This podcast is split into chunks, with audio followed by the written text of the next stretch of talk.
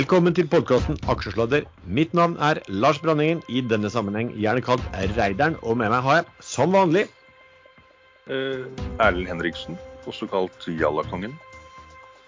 Og Arle Arnøy, tidligere kalt Gameren, nå kalt Unge lovende, som husker å skru på opptaksknappen. Veldig bra. Eh, traderen Sven er ikke med oss i dag. Han eh, har litt uh, begrenset eh, helse og stemme. Og så har vi heldigvis sånn at Erlend Arnøy, som er den av oss som er an, an, ansettbar, kan stille opp på, på kort varsel. Og akkurat nå, Erlend, så, så redda du vel skinnet mitt helt i starten av sendingen. Ja, for vi har jo alltid snakket om eh, hva skjer den dagen vi spiller inn eh, fire timer episode og Lars oss glemme å trykke på opptaksknappen. Eh, I dag fikk vi svaret eh, fordi Unge lovende huska, eller oppdaga det 20 sekunder ut i sendingen. Så du kan, du kan kontonummeret mitt, det er bare å sende over ønska beløp, tenker jeg. Men, men, reaksjonen da til eh, Erlend Henriksen eh, på det, det, som kunne blitt en ulykke, var jo eh, interessant. Hva var det du sa? Nå skal du ikke sladre her. Men nei, jeg hadde jo syntes det var veldig morsomt. For da kunne jeg brukt det mot deg for alt det var verdt i alle sammenhenger de neste par årene. Erlend Henriksen, da kan jo du starte med å ta av vår kjære og kjente disclaimer. Ja, eh, dere må gjerne høre på oss, men ikke gjør som vi sier. Da kan det selvfølgelig gå galt, og da er det deres eget ansvar. Ja. Vi gir ingen råd dersom du hører på hva vi sier om markedet. Aksjer, enkeltaksjer og livet for øvrig er ansvaret helt og holdent ditt eget. Det kan forekomme feil i de vi sier i programmet. Panel og panelsgjester kan være lang, kort, direkte eller indirekte eksponert i aksjer, selskaper og produkter som omtales i programmet. OK, mine herrer. Eh, ja, herr Henriksen, hva har du gjort eh, siden sist? Egentlig ingenting. Jeg er eh, opptatt med andre ting for tiden i byggefirmaet mitt. Så, så jeg sitter og hodler litt PRS og hodler Naked, som jeg øker i sånn litt jevnt og trutt. Nå har den akkurat falt under 0,60 dollar, så da kan man nok søke litt til i der i dag. Så, ja. Så ja. Du, ja, du driver og bærer, du. Bærer, bærer byggevarer, du. Nei, jeg sitter bare på rumpa og ser på andre jobber. Det, man må jo gjenrette seg i livet. Men, men man blir sliten av det òg. Tviler ikke på det. Ah, Ellen Arne, hva har du gjort? Nei, jeg har jo eh, fortsatt med uran. Eh, solgt unna det som ikke er uran, og kjøpt mer uran og trada eh, på Ukens nyheter, som jeg skal prate litt om seinere. Eh, det er jo, Alle snakker om den grønne framtid, og jeg tenker hva er bedre enn en selvlysende grønn framtid? Ja. Um, for min egen del, hva jeg har gjort da? Jeg har trada litt sånn inn og ut, solgt litt her. Jeg har vært inne i eh, Explora eh, fortsatt, det hadde jeg også forrige gang, og trada litt i den. Solgte meg ut en del fordi at jeg ja, var, gjorde en del handler og kjøpte en del i ett eh, børsnotert papir. Um, så, men bortsett fra det så har jeg vel ikke vært sånn, sånn, sånn veldig aktiv. Men Lars, du har jo gjort eh, kanskje århundrets stil, men verden er vel ikke klar for å høre om det ennå? Uh, nei, det, det, er vel noen løse tråder der som Som kanskje skal så Kanskje vi kan vente til, til en senere episode. Selv om jeg vet ikke om århundrets akkurat er så veldig, veldig, veldig beskrivende. Ganske langt unna det, men uh, hyggelig nok, skal vi si det sånn. En svært hyggelig deal. Sven bruker jo å være den som er flink på å se på hva som skjer på emisjoner og sånn, og det har vel egentlig ikke vært eh, noe særlig. Den, den, store vi har hatt eh, i uken her, er vel da en debutant som heter Autostore. Har dere fulgt med på hva som har skjedd der, gutter? Jeg har fått med meg at eh, folk som tegner seg, da tenker vi på retail og ikke på profesjonelle, de har fått eh, mye mindre tildeling enn de håper på. Og så gikk vel kursen opp eh, umiddelbart etter notering. Og så eh, logget jeg av og gadd ikke følge med mer. Det er vel det jeg har fått med meg cirka. Noe av grunnen til at den gikk opp, er jo i tillegg til det du sier, at mange fikk mindre enn de hadde på. At det er veldig lav frifrakt. Den ble vel økt til ca. 15 eh, Så de benyttet muligheten til å øke nedsalget fra tidligere eiere. Men 15 frifrakt, float det kan medføre ganske gode kursoppganger. Mm. Og den, den, ble jo også notert da. Det var jo, altså det, dette var faktisk en, var det tidenes største uh, i hvert fall nynotering på Oslo Børs. Uh, og den gikk vel rett inn som jeg tror det var nummer åtte eller nummer ni um, i størrelse på uh, Oslo Børs si, en riktig beskrivelse Erlend, er det å si at det er en, et robot, ro, det med robotlagerteknologi? Er det noe sånt man skal si, eller? Det er vel egentlig det. Det er en, det er en uh, lagerløsning med roboter som effektiviserer lager uh, ganske bra. Uh, var det 31 kroner han ble notert til? Ja. Han ligger på 36,995 nå, så de som, har, de som fikk, har jo gjort en ganske grei kule. Erlend, hvorfor svarte du når eh, Lars spurte eh, Erlend? Nei, det er jo eh, Alle vet jo at den er yngste som svarer først. den raskeste, yngste, raskeste. Hmm. Men, men du, du, bruker ikke å være interessert i, i emisjoner, du, Erlend Henriksen. Men du, du, du, var vel egentlig litt sånn småpositiv når du hørte om Autostore, du? Mens emisjonen pågikk? Ja, den kursoppgangen som kom rett etter notering, den meldte jo jeg i forrige sending jeg var med i for 14 dager siden. Så vips gjerne en liten provisjon til meg. Jeg tror vel kanskje vi skal kalle det, hvis man skal vippse noen din vei, så er det mest av veldedighet eller barmhjertighet, kanskje. Det som har vært litt av, er vel eh, Vi har fått en del sånne store reaksjoner på um, når det har kommet altså på, på selskap som Vi, vi, vi starta jo nå eh, med, med, rapporteringssesongen, Q3. Og så har vi fått noen selskap som har fått uh, som da ikke leverer som forventet, og de blir straffa ganske tøft. Har dere fått med dere noen av de? Eh, var det ikke komplett bank som fikk eh, litt bank?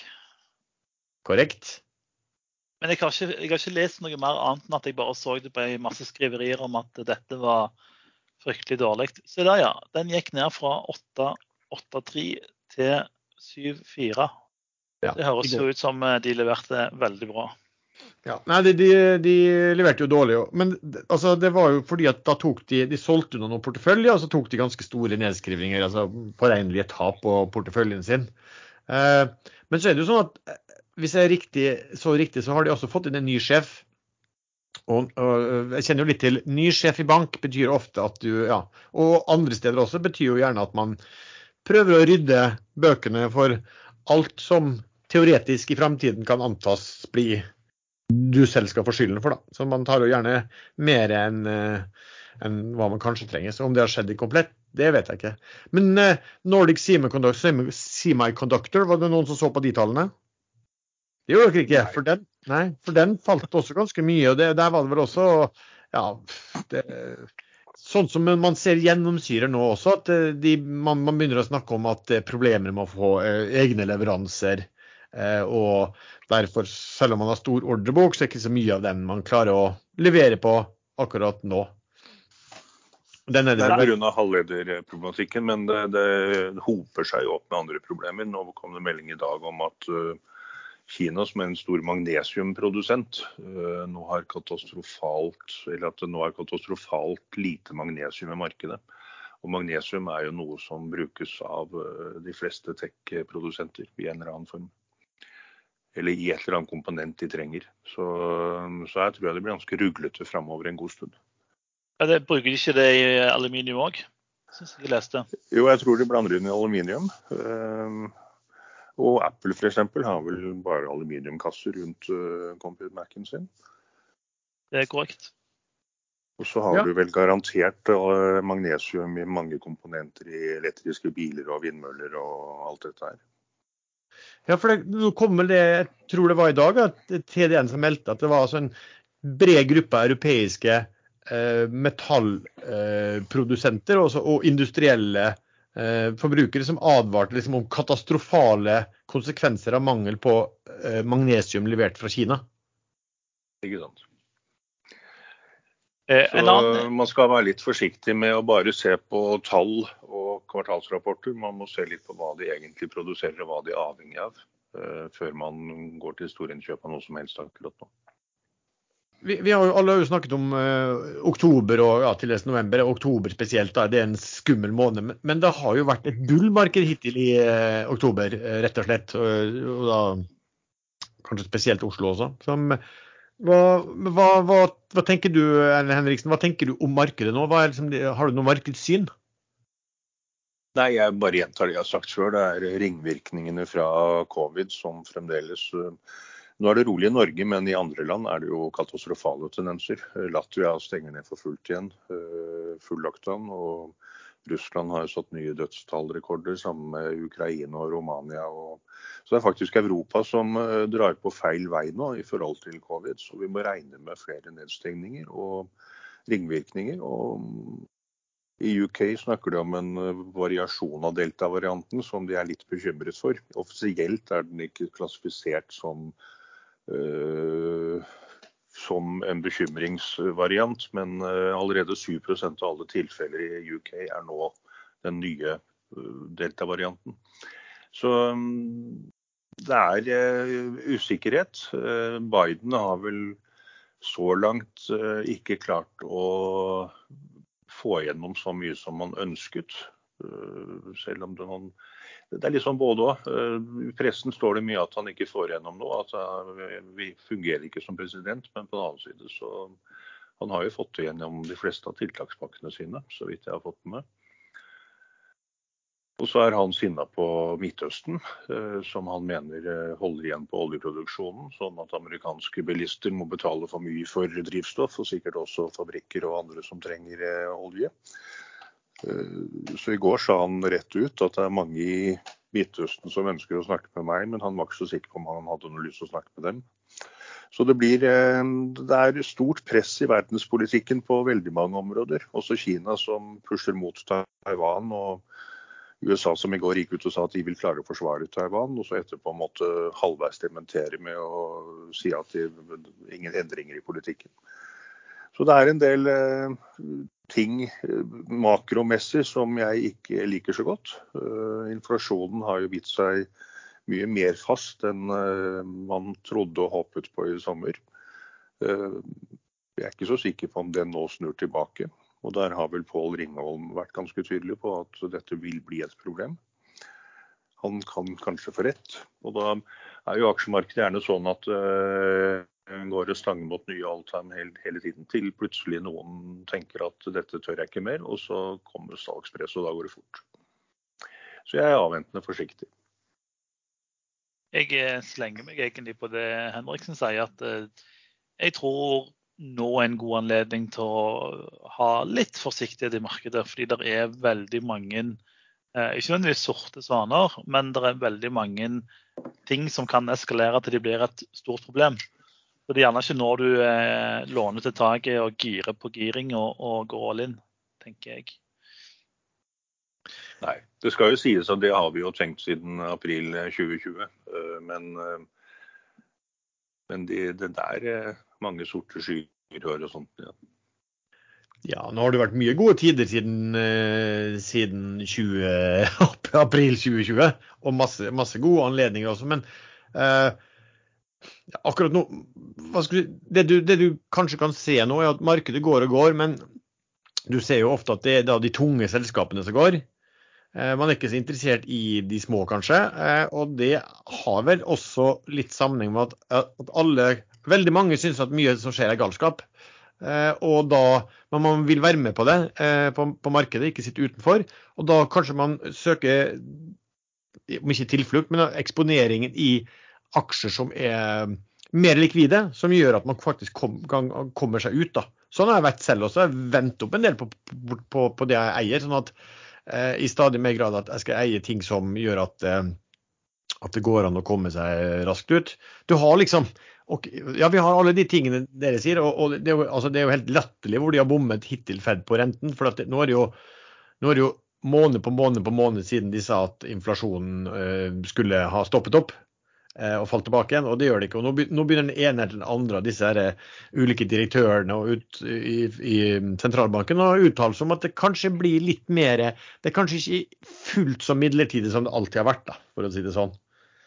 Um, så, så du klart at du har jo et rentebilde. Da, er, altså Renten er jo noe nesten noe som er politisk bestemt, eller rett og slett sentralbankbestemt. Det har ikke noe med markedet å gjøre lenger. ikke sant? For at, som jeg bruker å si, at Når du har en amerikansk toårsrente på 0,3% mens inflasjonen er på 5,4 så, så putter du penger inn på, inn på treårs uh, binding, da, så har du liksom ja, I løpet av noen få måneder så har du brukt opp eh, altså Da er det jo minus reelt sett. Da kan du kjøpe mindre um, for pengene enn, hva, enn når du putta det inn. Så, så, vi får se hvordan det gjør. Men det er klart, de, det er jo lav rente, og de trykker penger som gal. Og hva heter det? Tina, there is no alternative. Det er jo det som herjer. Spørsmålet jo, ja, spørsmålet er jo hva tid stopper det, og hvordan stopper det, og hvor brutalt stopper det. Ja. Uh, mitt syn er vel at Ja, ikke sant. Altså, det er vel inflasjonen her da, som kan knekke dette her. Uh, det må man tro. Uh, altså, og det er jo da er jo i så fall at befolkningen blir så forbanna på inflasjon at det går utover politikerne, som igjen begynner å rette skytset mot uh, uansvarlige sentralbanker. ikke sant? Det er kanskje den, den veien det kan gå. Uh, så nå, Det var sånn meningsmåling i USA. altså Hva var de temaene de var mest uh, opptatt av? Og da, Nå var jo inflasjon hadde jo ikke vært på radaren i det hele tatt, men nå var jo det, det, neste, det, det befolkningen sa nest mest. Jeg husker ikke hva, hva, som, var, hva som var mest, men Uh, nest mest var jo inflasjon, og den, liksom, den, hadde steget fra nesten at ingen hadde nevnt det, til, til veldig mange i løpet av svært kort tid. Um, en black swan som kan komme, det er jo Pavel, Powell, uh, Fed-sjefen. Han er jo ennå ikke formelt bekreftet at han skal få lov å fortsette. Dette avgjøres jo vanligvis sånn rundt sommerferien august, er det vel? Juli-august. Um, og nå har man ventet så lenge, og nå har inflasjonen blitt verre enn man trodde, og mer langvarig enn man trodde. Så hvis han nå ikke får fortsette, da tror jeg man kanskje markedet vil oppfatte det som at her har sentralbanken i USA feilet. Eh, og at en ny sentralbanksjef eh, da vil gå litt hardere til verks med tapering og full pakke. Og at det kanskje kan utløse, utløse et lite krakk. Eh, bare kort tilbake til magnesiumgreiene til Henriksen. Eh, for Det kom en artikkel på Bloomberg akkurat. Eh, hvor de skriver at magnesium buyers want crunch. Threaten millions of European jobs. Europa handler da 95% av magnesiumet sitt fra Kina. Man kan gå tom for magnesium i Europa i løpet av november. Og resultatet kan bli flere millioner som ikke får jobbe. Så dette er ganske seriøse greier. Men det er Bull aksjemarkedet. Da får de helikopterpenger, og så går alle pengene inn i mine aksjer Det er faktisk eh, det som skjer. Det, faktisk, det, er faktisk, det, er jo faktisk litt sånn det som har skjedd det siste halvannet året. Befolkningen, det blir trykket penger som befolkningen har fått, så de putter inn i aksjemarkedet. Men, men, det, men det er litt sånn du kan få en sånn, der, hva skal si, sånn eh, liten sånn nasjonalist, nasjonskrig om råvarer, der man holder på sine råvarer for å sikre at og det er ikke så unaturlig for å sikre at din egen hva skal du si, industri og befolkning um, får tilgang. Av, eh, av alle disse uh, dommedagsscenarioene som har blitt versert i løpet av de siste 20 årene, så er det råvarekrig uh, noe av det jeg faktisk har sett kommer til å komme en dag. De andre tror jeg man kan bare glemme. Litt sånn flytting av mennesker og religion, og det er ikke der problemet kommer. Det løser man. Men råvarer, det, er bråstopper. Hvis Kina stopper eksporten av rare earth elements, så stopper det meste av vestlig produksjon og high-tech. Mm. Så um, en liten digresjon. Vi kan, jeg tror vi skal snakke om litt, litt senere. Uh, miljøbevegelsen, som en deler av den, som er veldig kritisk til uh, produksjon av mineraler, gruvedrift i Norge, de må faktisk tenke seg litt om. Vi må bli uavhengig av import av alt fra Kina. Skal vi ta og hoppe videre til et litt annet tema? Litt sånn, nesten litt fornøyelig tema. Um, fordi eh, det har jo vært mye kommentarer rundt på Ekstravestor og på andre sosiale medier også, og synspunkter om hvordan hvordan børsens meldingssystem bruker brukes. Du, da, du, kan også Som selskap så kan du også melde inn eh, eh, når du børsner, så kan du inn, eh, altså legge inn meldinger som da publiseres over børsens meldingssystem. dukker opp i Newsweb. Og så har du de som da er ikke informasjonspliktige, og mot de som er informasjonspliktige. De siste er noen de må sende, de andre er noen du kan sende. Og så har det jo da blitt ja, skal vi si at, den, skal si at det har sklidd voldsomt ut og blitt veldig mye rare meldinger. og Det har folk bitt seg merke i. og Noen har spurt om vi ikke kan begynne å ta opp et sånt tema på sånn ukens børsmelding, og da ikke med positivt fortegn akkurat. Eh, har, har, dere fått med dere et par fine børsmeldinger den uken som, eh, som gikk? Jeg har hørt rykte om at det var en fryktelig teit børsmelding, men jeg har ikke lest den sjøl. Jeg har lest uh, børsmeldingen til uh, eh, Michael Binion, som da har vært uh, CEO der siden de startet opp i 1993 uten å ha klart å tjene noe særlig penger. I hvert fall aldri mer enn de bruker. Det var egentlig livshistorien hans. Det, var søt, men som børsmelding er det jo helt latterlig. Den leste jeg også. Han skrev et eller annet om at han, han var anglofil, han var født andre steder, men han skrev at han hadde lært seg fransk i en alder på 54 år eller et eller annet sånt. Ja, ikke sant? Så og det, da hadde det, han forsto han Quebec-janerne, eller hva de nå heter, eh, bedre. Ja. Det var liksom et sånt lesebrev fra onkel Binjen, det der? Ja, det var det. Skjønte du egentlig hva de, hva de ville med det? Nei, det, det, det, han spiller nok på psykologi. Eh, og han har et par gode poenger. Eh, Quebec eh, er avhengig av import av energibærere, olje og gass. De har en god del vannkraft og har signalisert at de skal bli nettoeksportører av grønn hydrogen. At det skal bli en stor framtid. Men, men, de har veldig mye gass i bakken. Eh, og det er jo det QEC har enorme felter av. Eh, og QEC har jo lagt fram en plan på hvordan de skal klare å produsere den gassen helt, helt CO2-nøytralt. Ved å injisere CO2-en tilbake i bakken eh, og kombinere det med å bruke den til å produsere eh, andre uh, energibærere, som ikke biofuel, hva heter det når det er syntetisk dieselbensin, flybensin osv. Så, videre. så han har absolutt et poeng at her har Canada, regjeringen i Quebec, de har kommet med det som også der borte vel heter en trontale, i og med at de ligger under den engelske dronningen. Eh, hvor de har tatt en prinsippavgjørelse på at de skal kutte ut eh, hydrogen, eh, nei, hydrokarboner fullstendig fra eget territorium. Og det henger egentlig ikke på greip hvis man kan klare å produsere det CO2-nøytralt eller faktisk CO2-positivt. Så jeg tror han har lært av tidligere hvor de har gått kraftig ut og kritisert regjeringen og sagt at de har juridiske rettigheter osv til å bare legge seg langflat og spille på psykologien. Ja. Men, burde sende, men, burde de sende dette her som børsmelding? Nei. Så har vi en annen, og den er også en riktig beauty, for å si det sånn. Det er da eh, Pasient Sky, eller Patient Sky, eh, som jo gikk på børs. Eh, og har egentlig hatt en katastrofal utvikling. De eh, sparket sjefen sin og fikk inn en ny sjef.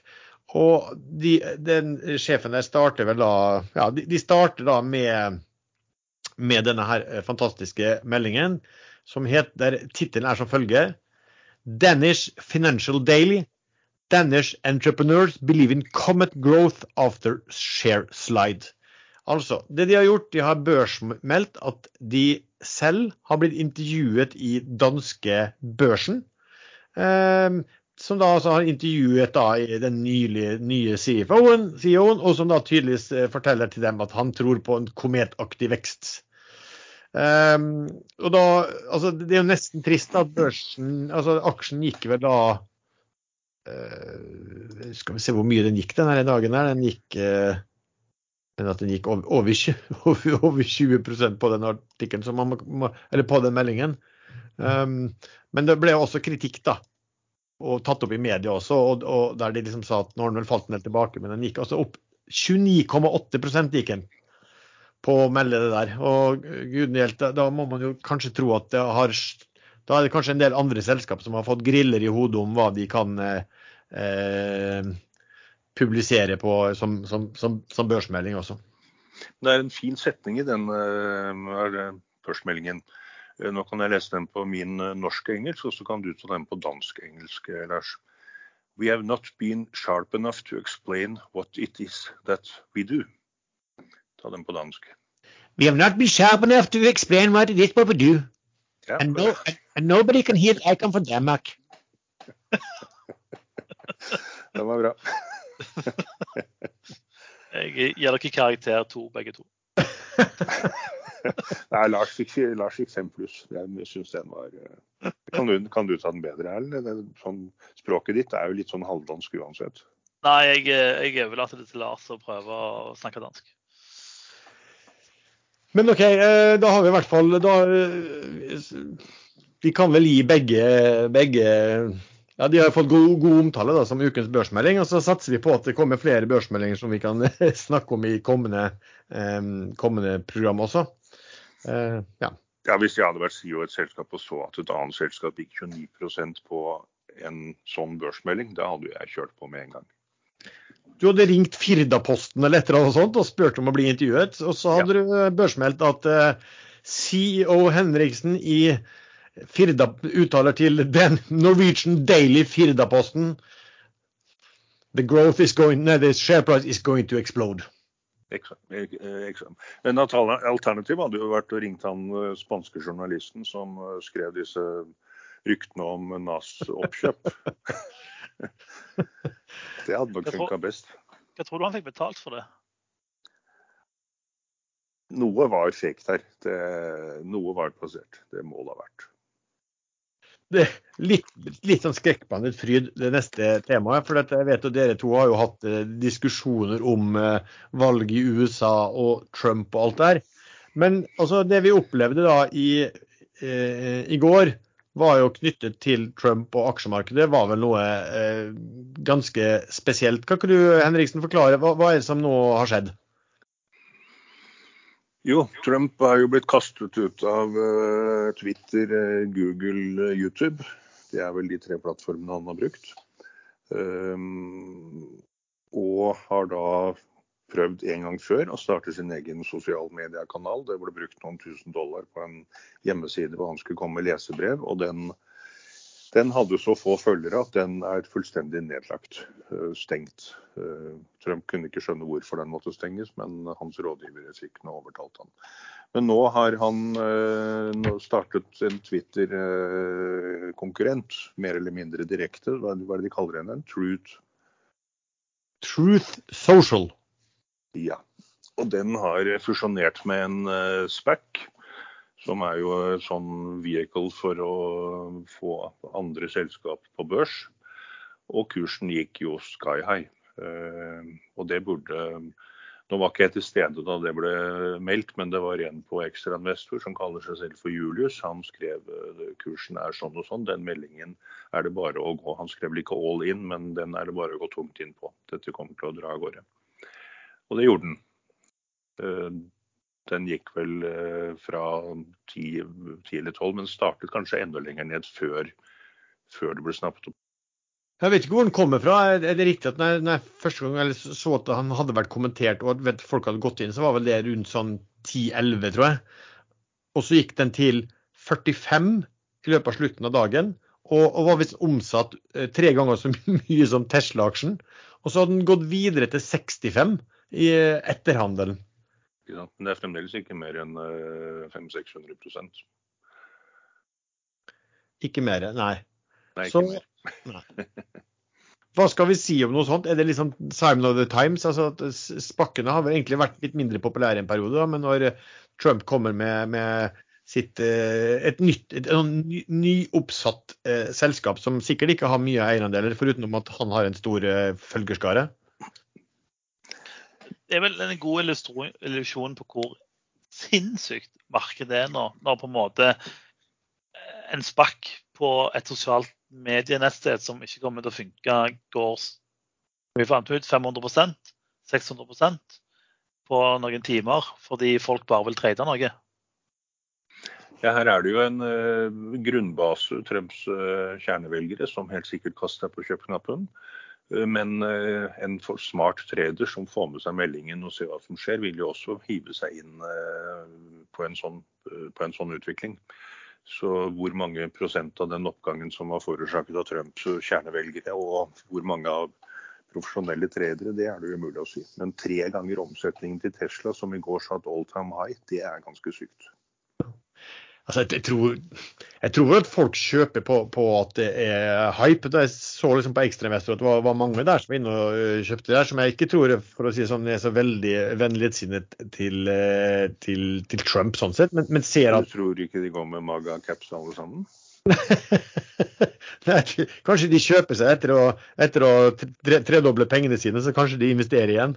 Bare for å ha det, ha det moro. Eh, nå, nå, kan man jo si at det, det, er, jo, altså, det er jo litt eh, For min del altså, er det jo for å si mildt litt ironisk at uh, Trump skal komme med en plattform som heter Truth Social. Um, det er vel kanskje ikke det. Men uh, så er spørsmålet om ja, altså Han har jo da vanvittig mye, hadde i hvert fall vanvittig mye følgere på, på Twitter, og er ekstremt populær blant republikanske velgere. Så kan han klare på det å få satt i gang en skikkelig populær plattform eh, for hva skal vi strengt tatt de republikanske La oss si det sånn, man skal aldri undervurdere det, Trump. Det har man gjort før. Men eh, Twitter var det nok litt enklere å få både følgere og motstandere til å, til å følge Trump eh, enn på en helt ny plattform.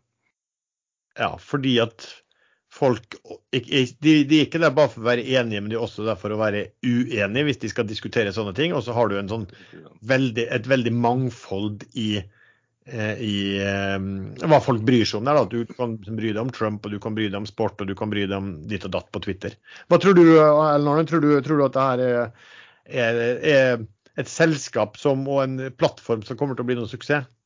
Nei, jeg tror ikke det egentlig. fordi det blir altså, det blir for mye ekkokammer. Altså, hvorfor er det mange som liker Twitter? Jo, for Twitter er et av de få sosiale mediene hvor det går an å diskutere ting med meningsmotstandere uten å bli utestengt. Eh, skal liksom Trump lage noe som er enda mer i en annen retning, hvor bare folk som er enige henger, da blir det sikkert kjempekjedelig. Jeg, jeg er enig med skal ikke undervurdere Trump, han ble tross alt president. Eh, men akkurat dette tror jeg svært lite på. Nei. Det har jo også vært opprettet et par andre uh, Twitter, såkalte Twitter-konkurrenter av uh, konservative etter at Trump ble sparka ut. Og det er ingen av de som har fått det til å fungere. Ikke sant. Altså det, nå, nå, nå driver jeg jo sosialt medieselskap selv, for å si det sånn, og, og vet hvor altså, det er noen ting alle sier som man treffer også, hvor vanskelig det er å få satt i gang noe nytt innenfor eh, sosiale nettverk som, som, liksom får For det du må opp på, du må opp på en, det man kaller en kritisk masse. Du må opp til nok, sånn at det er nok innhold at folk finnes det interessant. Og det er sånn høna og egget. da, For Hvis folk kommer dit og det ikke er nok innhold, så kommer de bare én gang, og så kommer de ikke tilbake igjen. ikke sant? Så, så, så hvordan er det å få opp innhold eh, veldig raskt? Og folk blir jo vant til sine steder, og så er det en begrensning på hvor mange sånne steder man vil være på også, som gjør at det har vært veldig eh, vanskelig å komme i gang. Kan du bare nevne innenfor, innenfor altså, i, området til, til ekstrainvestor? Der har vel eh, over noen år så har jo altså E24 har jo prøvd, eh, Nettavisen har prøvd, eh, Dagens Næringsliv prøvde vel en gang. For ikke så lenge siden så, så prøvde DNB eh, også å sette opp eh, type aksjeforum eller sosiale nettverk for investorer, og måtte bare legge det ned fordi at de fikk rett og slett ikke tilgang. Så, så det, det, er, stadig tøffere. Da. Parler. Parler het det ene nettstedet som ble opprettet av konservative, og der er eh, brukermassen gått ned fra downlands, gått ned fra 517 000 i desember 2020 til 11 000 i juni 2021. Så ja. det er jo en flopp. Ja. Men eh, Lars, når du sier kritisk masse, er det, er det er det derfor eh, Erlend Arnøy og Sven og jeg er eh, kommet inn i aksjeslader? Fordi vi har litt masse tyngde du, du, lurte på om jeg snakket om, om kilo nå? Så det du sier at vi er tyngden i aksjesladder? ja, vi gir tyngde til aksjesladder. Ja, det, Ja. Det, det er vel et sånn type spørsmål som kanskje er best, eh, best å si ingen kommentar til, egentlig. Nei da, men, men, men, så er jeg enig med deg, da. mm, At, altså, ikke undervurder Trump, og ikke undervurder de velgerne. ikke sant? Man trodde jo etter den der eh, greia på da de storma Kongressen 6.1, så trodde man liksom at OK, det her er nesten slutten for han. Han ble jo mer populær blant republikanske velgere eh, etter det. Nå ser hvor mange som tror på at valget ble stjålet, hvor mange som tror på QAnon og sånn, så er det jo Altså, eh, ja, man, man, trenger liksom Man kan ikke bare ha et ekkokammer, men det er nok en del av de ganske mange millioner som gjerne vil ha et ekkokammer, også kunne være i. Der, der alt det de vil tro på, blir bekreftet, uansett hvor mye eller lite sant det måtte være. Så det blir i hvert fall veldig spennende å se den der Digital World Acquisition, som det heter. altså DWAC, DVAC. Det er altså navnet på den eh, aksjen som vi nå eh, Nå var det vel var det ikke Warrens som gikk så vanvittig? Eh, Warrens-versjonen av den eh, spekken? Ja, det er kanskje der du snakket om mange tusen prosent. For det er, det er mulig, ja. Den type spakker bruker også å ha tilknyttet warrants. Det betyr altså at de bruker å tilknytte at en ting at man gjør den dealen på de og de betingelsene, men så uh, ligger det også i den spakken at, at det finnes altså en warrants-opsjon da, på at du, du, du, har rett til å uh, tegne deg for så og så mye penger til den og den kursen. Og det er klart at Hvis kursen lå på tre, da, og, og, og, du har rett til å tegne deg på fem, og så, går, og så går den til 60, så har du blitt ganske mye verdt den, den opsjonen.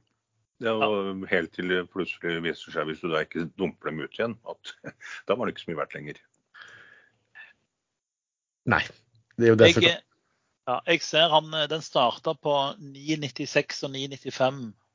Har den ligget flatt på, eh, den her DWAC. Og den har 21.10, altså i går morges, starta den på 996. Og i førhandelen nå så handles den til 72,6 så da begynner den å nærme seg 1000 da. Det klarer den sikkert òg. Men ja. uh, ser du Warrensen der også?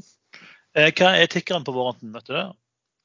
Den har ender med W, så det er dvakk W. Eh,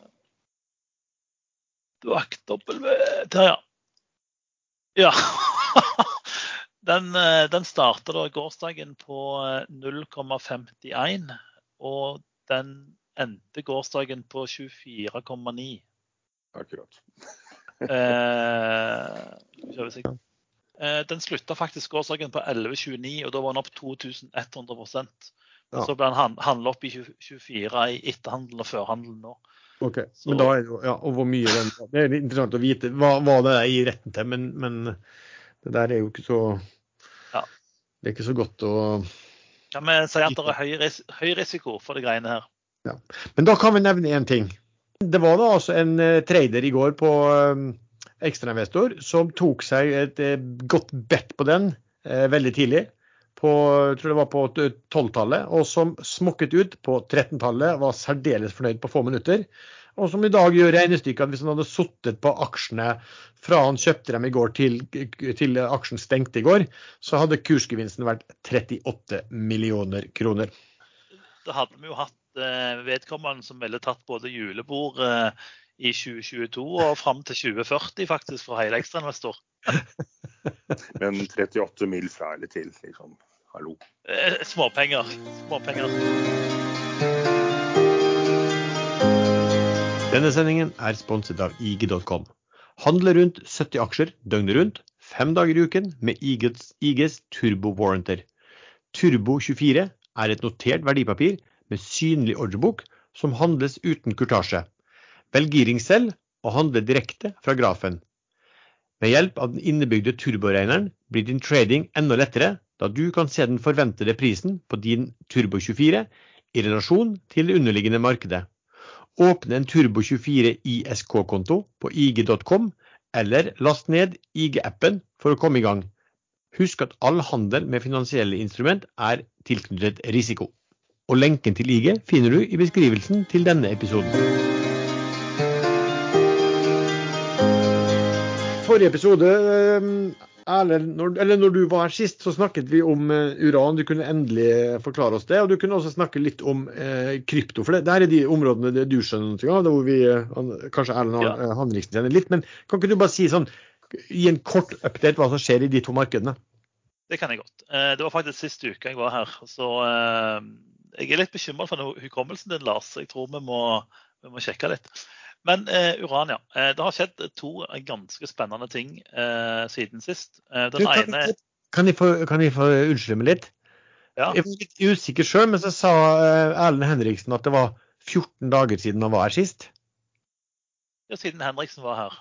Jeg var med siste uke. Herregud. du, jeg, jeg skal ringe hun kona di etterpå og anbefale en spesialist til deg, Lars. Jeg tror, jeg tror det er lettest. Lars, kanskje du skal ta den der eh, hjerneblødningstesten. Så, eh, hva er det for noe? Snakke, spise, nei. Det er noe med løfte armer og løfte et eller annet. Løfte, smile, et eller annet. Eh, ja. og hode. Husker dere Trump når han skrøt av hvor, hvor fantastisk genial han var å huske ting? person, man, woman, camera. Jeg kan faktisk ja, det, var, det, var, de fem som sto foran den hele tiden, var det ikke? Ja, ja. det var OK. Men eh, ja, Erlend, få høre om eh, yes. Eh, vi kan ta med uran først. Eh, det skjedde to ting denne uka som var ganske interessant. Eh, Kassat Tomprom, eller hva de heter, verdens største produsent av uran. Det er da det kasakhstanske Du har vel nasjonalt selskap, nå tror jeg det er børsnotert. De eh, annonserte at de skal eh, etablere et fysisk uranfond.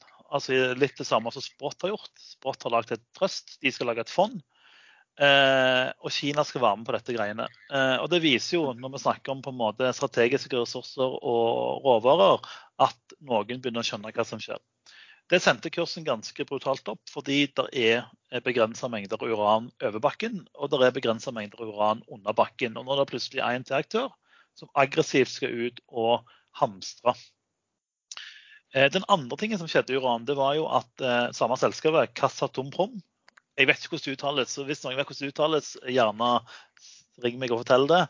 Eh, de var jo ute og sa at 80 dollar per pund uran, det er den nye standarden.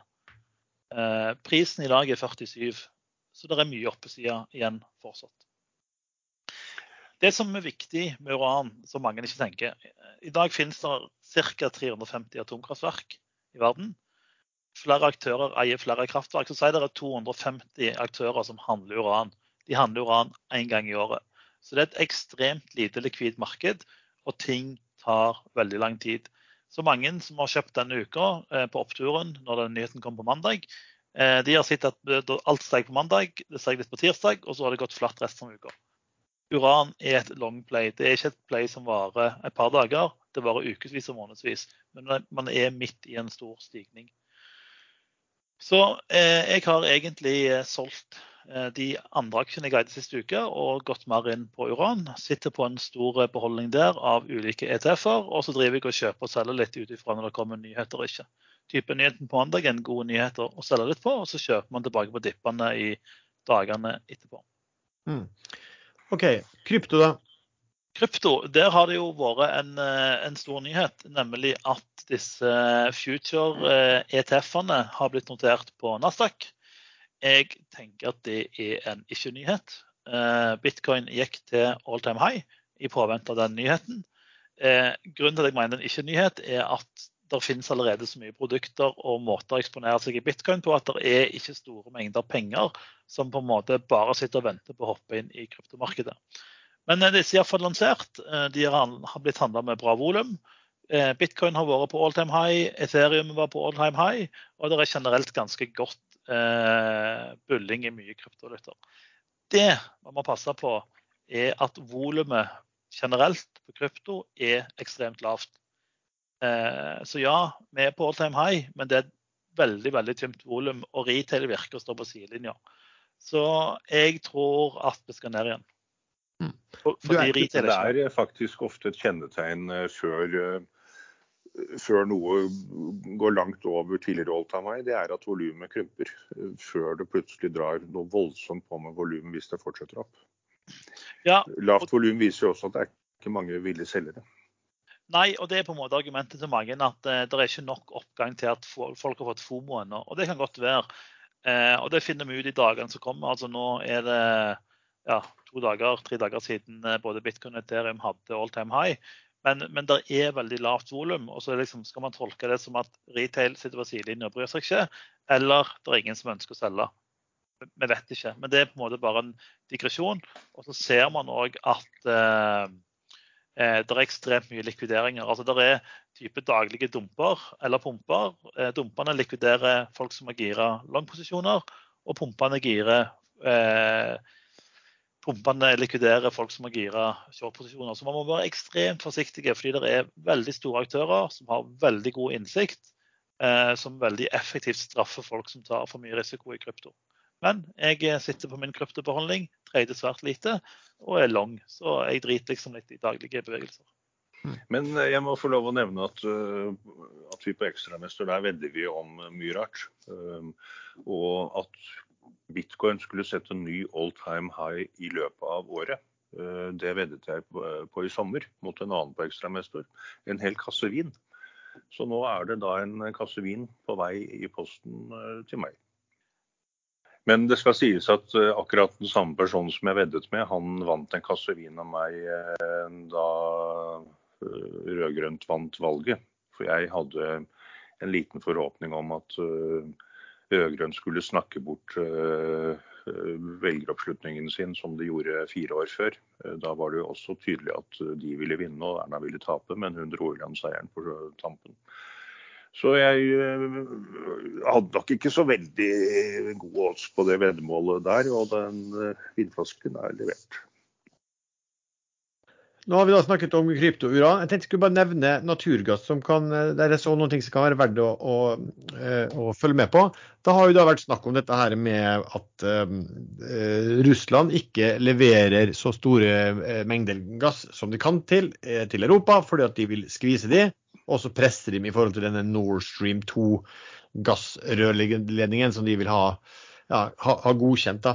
Eh, da var det vel en som var en av sjefene i, i Gazprom som var ute og uttalte at det, det, russerne nå gjorde, var at de først sørger for å fylle opp egne gasslagre eh, før en eh, potensiell kald og hard vinter.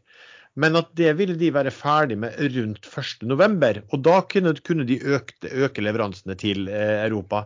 Den syns jeg var interessant for de som sitter og følger med på si, både naturgass og oljepris og, og selskap som har stor som leverer mye naturgass. Da kan det bli veldig interessant i starten av november å se om det kommer meldinger på at, uh, på at uh, de, de, faktisk har begynt å øke leveransene. For da, klart, da kan det fort den, den prisen falle i hvert fall kortsiktig ganske, ganske hardt. Da.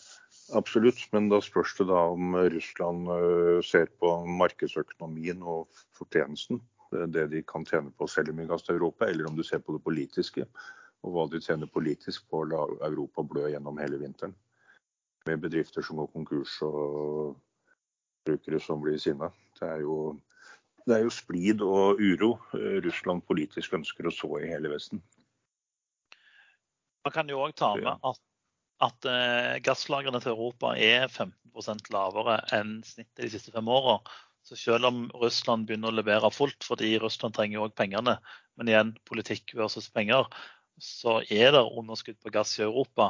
Eh, og Russland har jo en stor nabo i øst, altså Kina, som på en måte spiser alt de kan av ressurser. Så at eh, det plutselig kommer store leveranser til Europa, det er ikke nødvendig.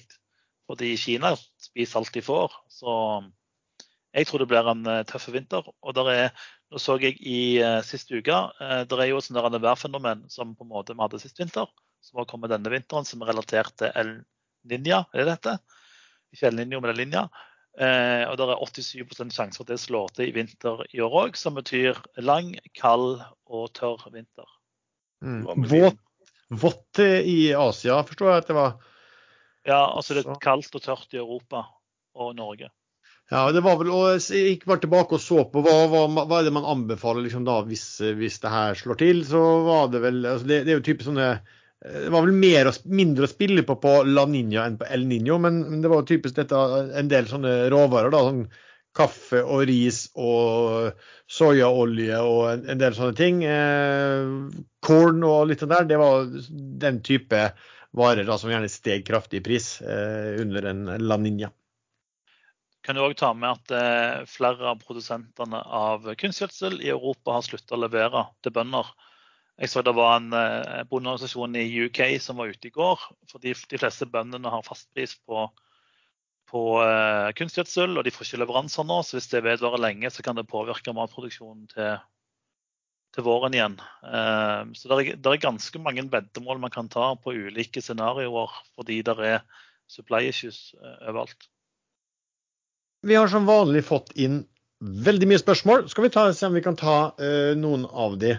Her er et spørsmål til spåmannen dere. Når raser kursen 15-20% Og underspørsmålet fra fra Anne er er det feil å gå long på enkeltaksjer når alle venter på et krakk? Jeg kan svare, jeg vil svare ja. for Henrik svarer. Eh, det skjer når du minst venter det, og når alle venter på det, så skjer det ikke. Mm. Stort sett, ja. Men det skjer stort sett plutselig. De største krakkene har vel kommet uh, når, når, markedet ikke trodde det kom. Da blir det gjerne selvforsterkende òg. Da blir det panikk, og noen har shortet eller noen har gått lang feil vei, og så må de plutselig dumpe. Nei, Det er et umulig spørsmål å svare på. Når? Ja. Eh, det, er jo faktisk sånn at Før så var det helt vanlig med at du hadde eh, tilbaketrekninger eller korreksjoner da, på rundt 10 Det hadde du, vet ikke om det var før de begynte å trykke penger for alvor, at det, liksom, det, det, skjedde hver en gang i år omtrent. Og etter det har det jo Nå hadde vi det selvfølgelig under akkurat den, den korte smellen, kjempesmellen på covid, så, så, så, så krakka det jo helt. Men det er jo, det er jo en helt vanlig ting eh, tidligere som har skjedd, men som nå ikke ser. Helt umulig å vite hva som eventuelt kan utløse det.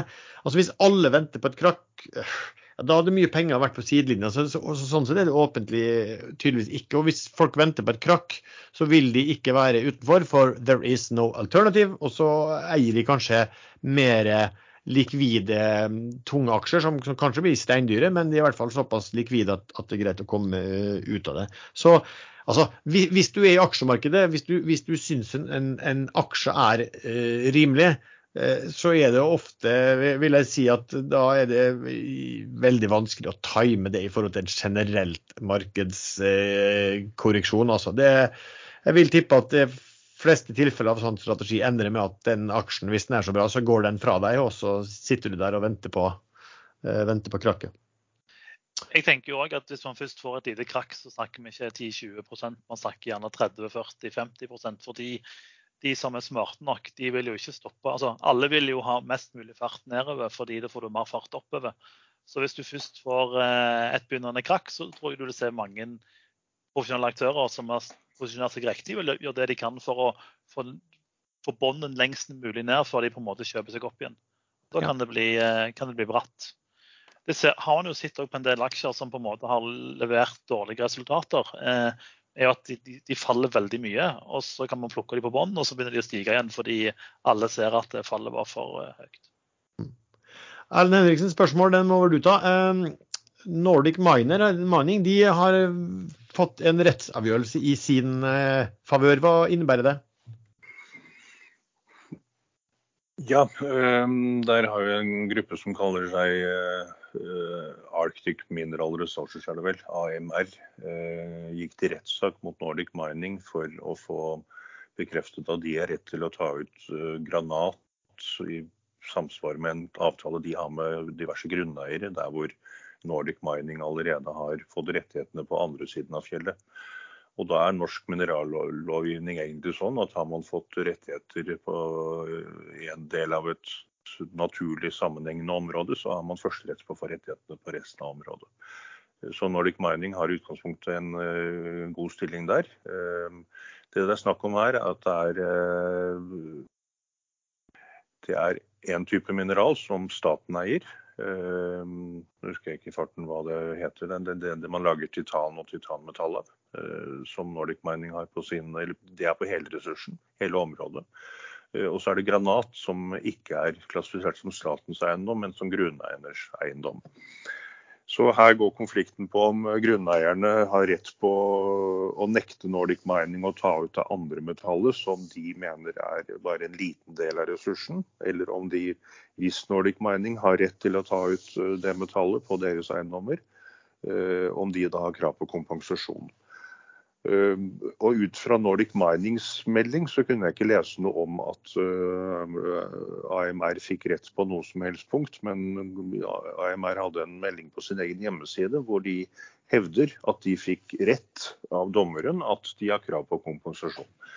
Så um, De har også allerede sagt at de kommer til å anke denne saken. Og advokaten, som kommer fra et ganske velrenovert uh, advokatkontor, har sagt at uh, her har uh, tingretten i Oslo misforstått. Uh, Oslo distriktkort. Og de har allerede bestemt seg for anke. Og han tror dette kommer til å gå helt til Høyesterett. Så dette er en sånn Det vil ligge som en sånn klamp om foten rundt Nordic Mining en stund. Å kjøre en sak først til lagmannsretten, og så anke og få medhold, og derifra til det Høyesterett har vedtatt. Det tar lang tid. Men så kan det være at lagmannsretten eh, bare avfeier anken og sier at uh, det er det ikke noe grunnlag for, og så er dette helt endelig avgjort. Så mm, Foreløpig er det støy. Nordic Mining er veldig positive. Og de venter fremdeles på en eh, avklaring fra Næringsdepartementet på noen klager som vel Naturvernforbundet har levert inn. Og den trodde de kom i, på begynnelsen av året, men Eh, Venstre eh, vil jeg si var såpass feige at de valgte å ikke behandle denne saken før, før etter valget, og nå tapte de valget. Så da er det opp, opp til Arbeiderpartiet og Senterpartiet å behandle den, eh, den, klagen, og de er positive til gruvedrift. Så mm, det er litt sånn never ending story rundt Nordic Mining, dessverre. De har holdt på siden første gang jeg kjøpte Nordic Mining-aksjer, var vel i i 2009. Da var man sikker på at nå var det endelig avgjort i løpet av et halvt år. Og nå er det elleve år senere. Tolv år senere. Så jeg tror de før eller siden kommer til å sette i gang gruveproduksjonen. Og de tror selv at de kan starte opp i løpet av året med konstruksjonen av, av eh, prosessanlegget og starte selve gruvedriften i 2024. Og dagens kurs gjenspeiler ikke i det hele tatt uh, net present value av uh, ressursene i bakken. Uh, så den har mye å gå på. Så hvis markedet nå får tro på at dette går riktig vei, så kan den kursen gå ganske langt. Har noen eh, aksjekurs i den type selskap noensinne gjenspeilet de såkalte net present eh, value-verdiene i bakken ut ifra selskapets beregninger? Nei, og det er jo derfor sånne aksjer er veldig interessant som en eh, high risk-investering. Fordi de få gangene det skjer, så går jo kursen eh, faktisk, eh, som mitt berømmelige uttrykk, sky high. Det, det er Når man er sikker på at dette er fastfisk, nå blir det hentet opp, da er det store verdier som, som, som skal puttes inn i kursen. Mm. Men gjerne må de da hente inn penger på, som gjør at de regnestykkene på net present value blir eh, litt, litt, litt, annerledes, for å si det sånn. De blir det, men uh, Nordic Mining har brukt tiden uh, godt. De har for å nevne det til miljøbevegelsen, de har redusert bruken av kjemikalier med 99% fra det de fikk, fikk faktisk godkjent av departementet.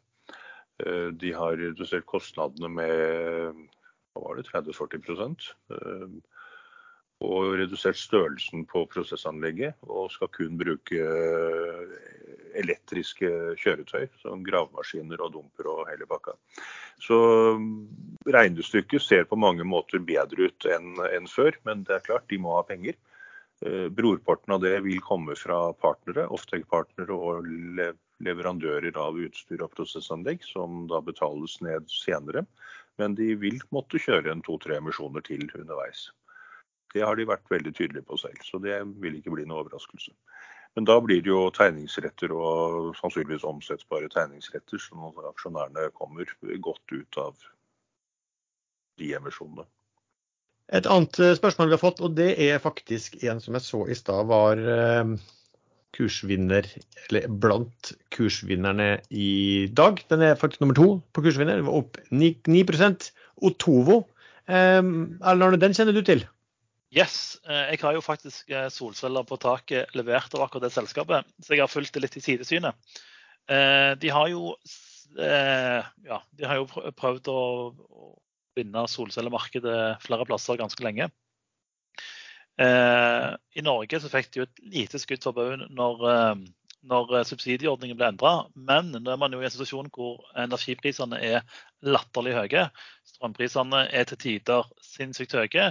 Og, og regnestykket på, en måte på nedbetalinger på disse solcelleanleggene er jo ganske hyggelig.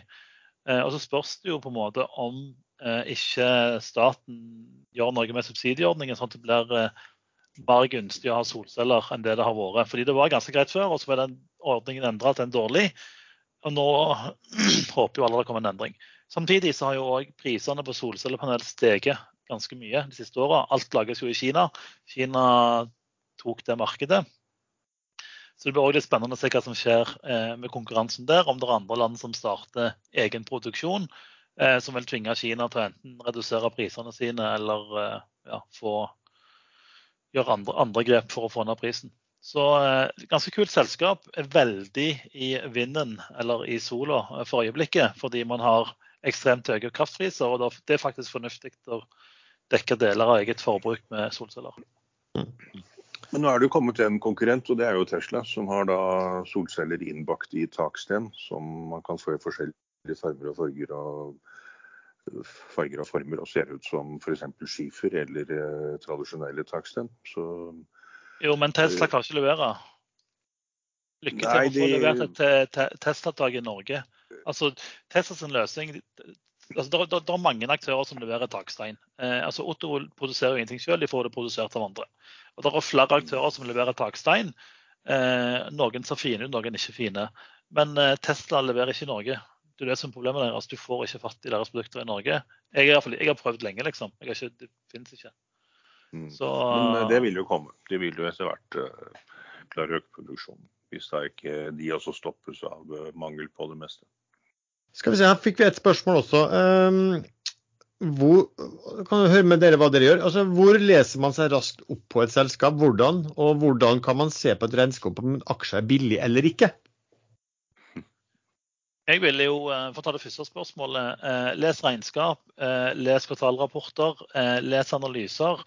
Eh, diskuter med folk på forumer som kan mer enn deg, eh, så har du fort et eh, bilde. Og så får du ta regnskapsbiten, for det, du er jo bankmannen i panelet. Mm. Hva, jeg ville også gått inn på Newsweb og sett på historikken hva de har meldt og hva de har klart å oppnå. Ja. Jeg tenker som det, Hvis man skal lese raskt opp det, da går du på på, der det er børsens meldingssystem, det er på Newsweb. Der ligger alle børsmeldinger fra selskapet. og Da ligger det også meldinger om eh, kvartalsrapporter og årsregnskap. Så det leser seg raskt opp på et selskap. Hvis du leser årsrapporten, så står det ofte ganske mye interessant vurderinger og betraktninger om, ja, om selskapet og den, den, bransjen de er i. Og så, så, hvis du gjør det, så leser du siste eh, kvartalsrapport, da får du en god oppfatning av ja, hvordan de gjør det. For der står det også tall fra tidligere periode. Altså Husk at ett kvartal er litt lite å fortelle og, avgjøre hvordan det går med et, uh, med et uh, selskap. Altså Hvordan man kan se opp på et regnskap på en aksje er billig eller ikke.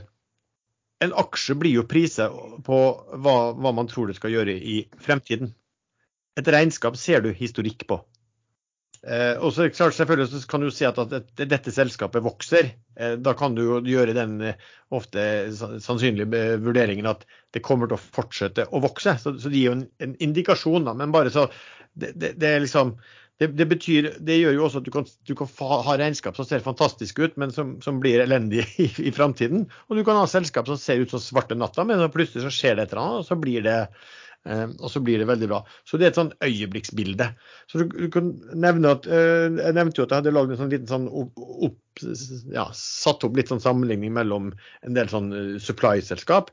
Det er altså da en, bare en historisk eh, setup som, som gjelder fram til da, og som ikke har noen vurderinger i seg. Så, så du må liksom ja, det, jeg er en sånn regnskapsmann Jeg starter jo med å ta utgangspunkt i det. og Det er liksom utgangspunktet mitt for å, for å kjøpe noe. Men, men den gir jo ikke noe svar på hva, hva som skjer i framtiden. Det gjør det jo ikke. Og så må man eh, lete litt etter de små uttalelsene, spesielt i notene, som kan være ganske avgjørende. Husker og sett Mining, som var en yndlingsaksje for tradere. og Haudemann tjente jo ekstremt bra på den før han satte seg ut på ganske topp. Uh, de skrev alltid i sine, uh, sine børsmeldinger at målet var å maximize shareholder value. Helt til de plutselig endret det til målet var å betale tilbake mest mulig av gjelden da vet man at dette selskapet skal konke. Eh, det er kun snakk om eh, kramper fram til de har fått eh, avhendet det de eier. Og det blir ingenting igjen til aksjonærene. Så man må følge med litt på sånne varsler som ikke slås Det står ikke øverst i børsmeldingen, det står litt skjult formulert. Ja. Og der kan jeg ikke si gjenta nok. Det er jo at dessverre er det slik at et regnskap er skjønn.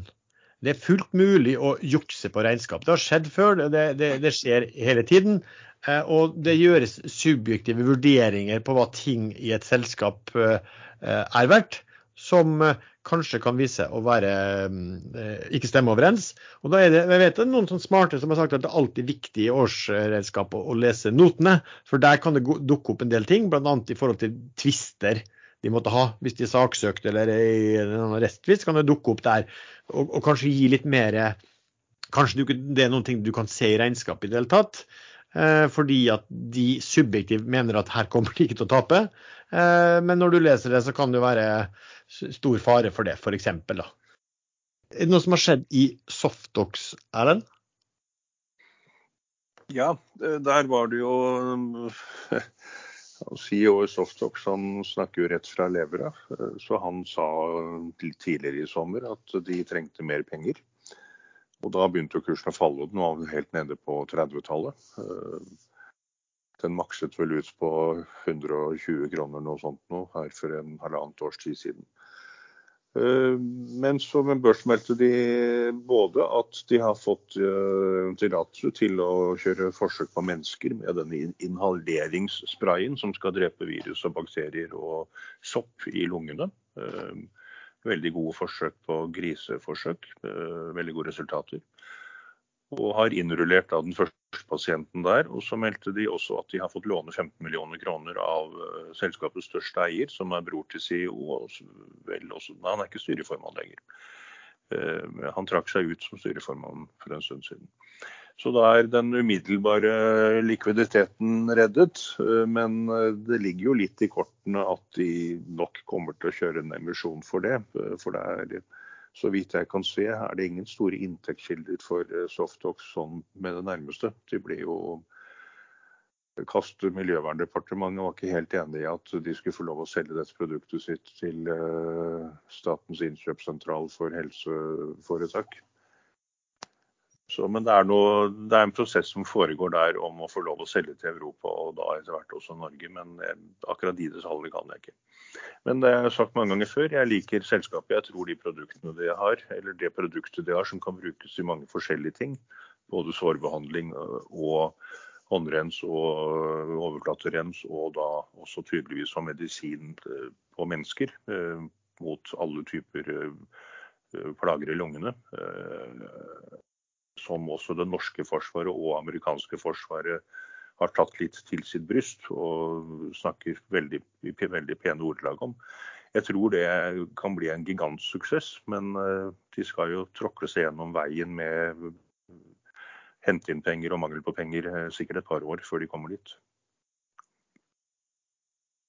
Ja, eh, Så har vi fått et spørsmål om Bergen Carbon Solutions. Som har gått veldig Den har jo fått litt oppstuss da, fordi vi, vi, snakket jo om det, bl.a. Håkon Sæter nevnte at hvis, hvis, det var noe han trodde kunne gjøre han ordentlig rik, så, så, var, det, så var, det, den, hvis, man, hvis den traff. Um, og så kom det jo da med melding nå, um, skal vi se, det var vel i går, uh, om Skal vi se om jeg kan finne den, bare. Ja, De kom med melding i går. for de, de Bergen Carbon hadde jo gått så veldig mye på at de hadde hatt en letter of intent med et eh, ikke navngitt japansk selskap. Eh, og det er vel fortsatt da ikke navngitt, men nå i går så annonserte de da at eh, Og dette var en, en, avtale de hadde inngått i, i slutten av april. nå den, den, tekniske testen var, var fullført, og resultatene var Eh, tilfredsstillende, som åpner for videre mm, forhandlinger med, med den, den, parten. Og at den da, ja, de, de forhandler nå om en, en supply agreement og ja, commercial terms, det er vel det de har sagt. Så, så, og de, de kommer også en melding i dag, jeg tror det var en liten avtale de hadde i dag, hvis jeg forsto. Men ser at den, den, stiger på børsen eh, i dag også, opp eh, 7 eh, akkurat nå. Eh, personlig så eier jeg den ikke, men jeg eier den indirekte gjennom at eh, Saga Pure er en stor aksjonær der.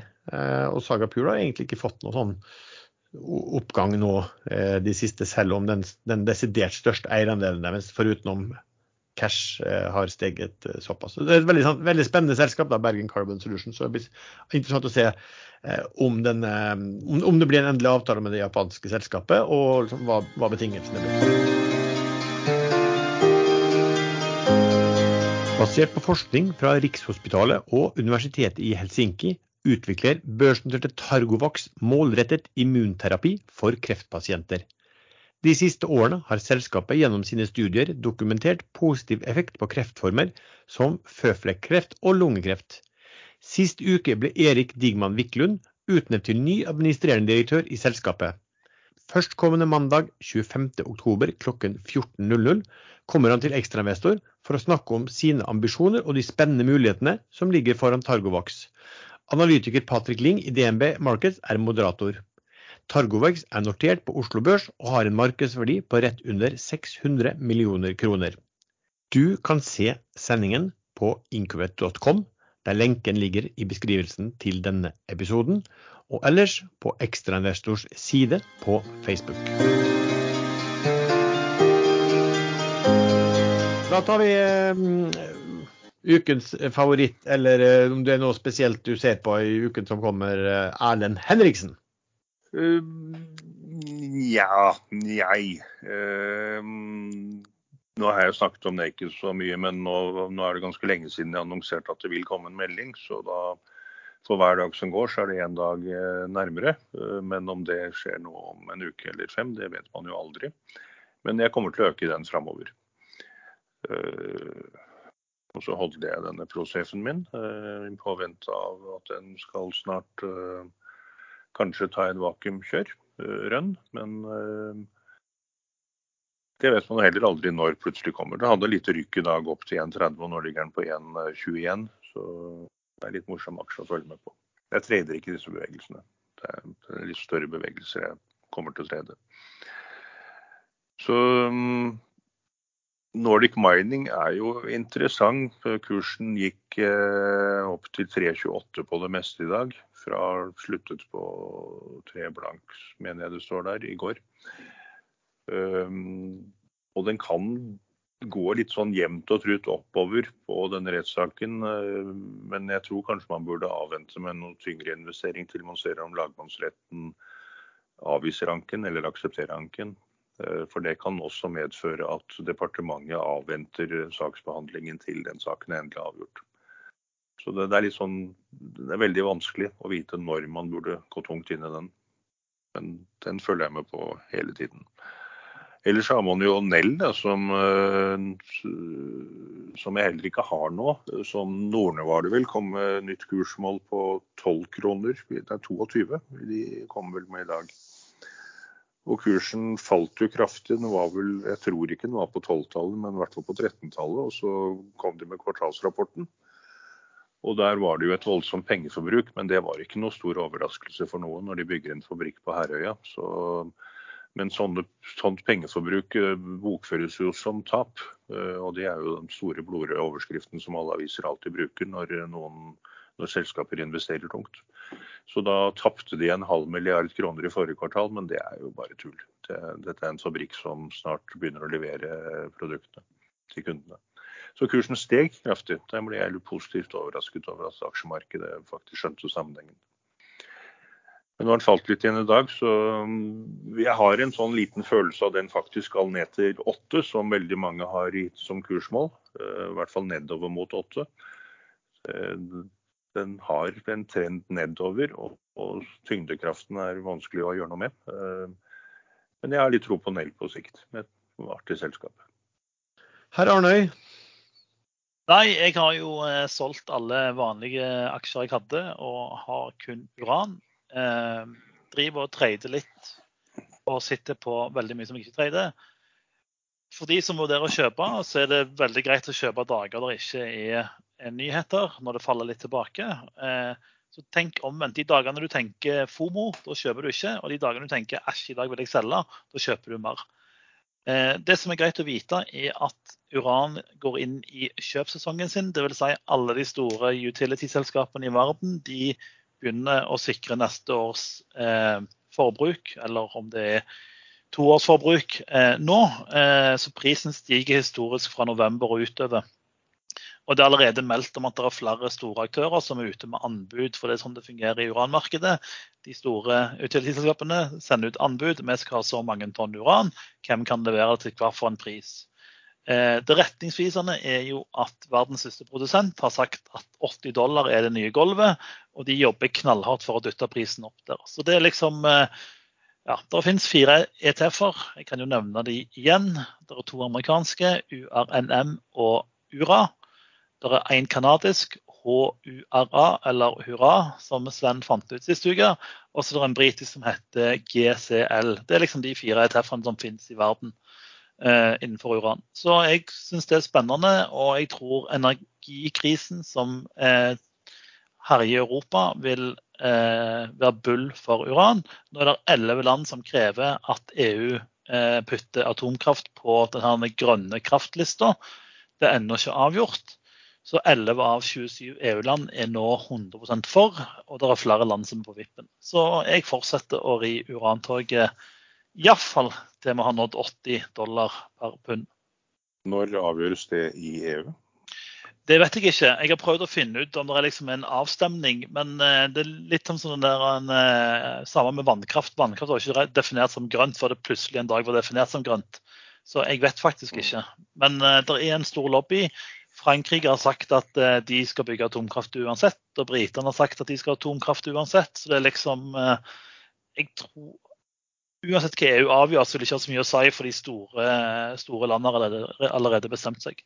Det er Tyskland som på en måte er Skal de fortsette å prøve på vind og sol, eller skal de bare gi etter og åpne atomkraftverkene igjen? Det tror jeg skal mye til nå med SPD og Grønne og FTP i den tyske nye regjeringen. Det, det, er jeg ganske enig i. Og så er det òg eh, de som har peiling sier at eh, de tyske utility-selskapene fikk store subsidier for å stenge ned atomkraftverkene og selge unna alle lagrene sine. De kommer ikke til å åpne igjen med mindre de får nye store subsidier for å åpne. Så det er liksom Det, er, eh, det har jeg lest meg litt opp på. Det er enormt kostbart når man først har startet nedstengingsprosessen. Mm. Som tar noen år før det ikke produserer strøm lenger. Ja. Og, og, snu, reversere. Det er en, ja. en gigantisk kostnad. Det er òg derfor uh, uranprisen på en måte er sånn som den er. fordi du, når, du, altså når, du, starter et atomkraftverk, så kan du ikke stoppe det. Det må gå helt til det skal stenges for alltid. Uh, mm. Så på en måte det, det nytter ikke å si at nei, nei, vi kan ikke kjøpe uran. Fordi uranbrensel er en veldig liten kostnad i hele Eh, levetiden til et atomkraftverk. Så det er liksom om de betaler 20, 40 eller 200 dollar per pund med uran, så har det veldig lite å si. Eh, og Det er òg det som er så interessant med oppesida på, på, uranprisen. Ok, uh, ja, For min del så, så, er det litt av de som jeg snakket om uh, egentlig sist gang. Jeg nevnte vel uh, Argeo sist, og det var litt fordi at Ikke noe fundamentalt, men fordi at der satt man og telte litt ned på noen som holdt på å solgte det kan nok se ut som de var tomme i dag. og Det var mye nedtellinger, og man ser på aksjonærlister sånn sett. og eh, i hvert fall en del folk som tror at de kan ha vært tomme, så denne aksjen har hoppet opp 8 eh, i dag. Så får vi vel se eh, framover. Altså det, det, som skal dra en sånn aksje, det skal jo faktisk være da eller Det bør jo være fundamentale nyheter om kontrakter, men men det er jo alltid sånn at flyt betyr en del også. Eh, jeg snakket også om Wilhelmsen. Eh, at de var mm, ja, nærmest 50% rabatt på underliggende eh, verdier. Det er det fortsatt. Den har steget. Ja, steget sånn 4-5% i uka, den også. Men det er også den, de underliggende, altså da spesielt da Wilhelm Wilhelmsen, nei, Valenius Wilhelmsen, er også opp 5% nå denne uken. Da snakka vi litt om at disse bilskipene, Roro-skipene, hadde veldig gode tider, selv om det var, var, problemer med å få levere biler. Og Da er jeg litt sånn tenker på at OK, hvordan kommer det til å se ut i det markedet der, der det ikke har vært flåtevekst, når man plutselig får orden på det og skal virkelig begynne å levere biler? Det kan nok fort bli et område å være moro å sitte i hvis man treffer når det skjer. Ellers har jeg kjøpt litt, eh, litt tank.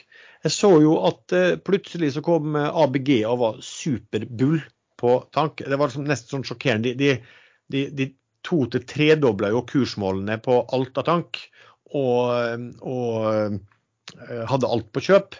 Og, der, og det, det, Årsaken var jo at de, de hadde altså bytta analytiker, og den som da hadde blitt ny analytiker der, var, hadde også vært bullers i sitt forrige eh, meglerhus.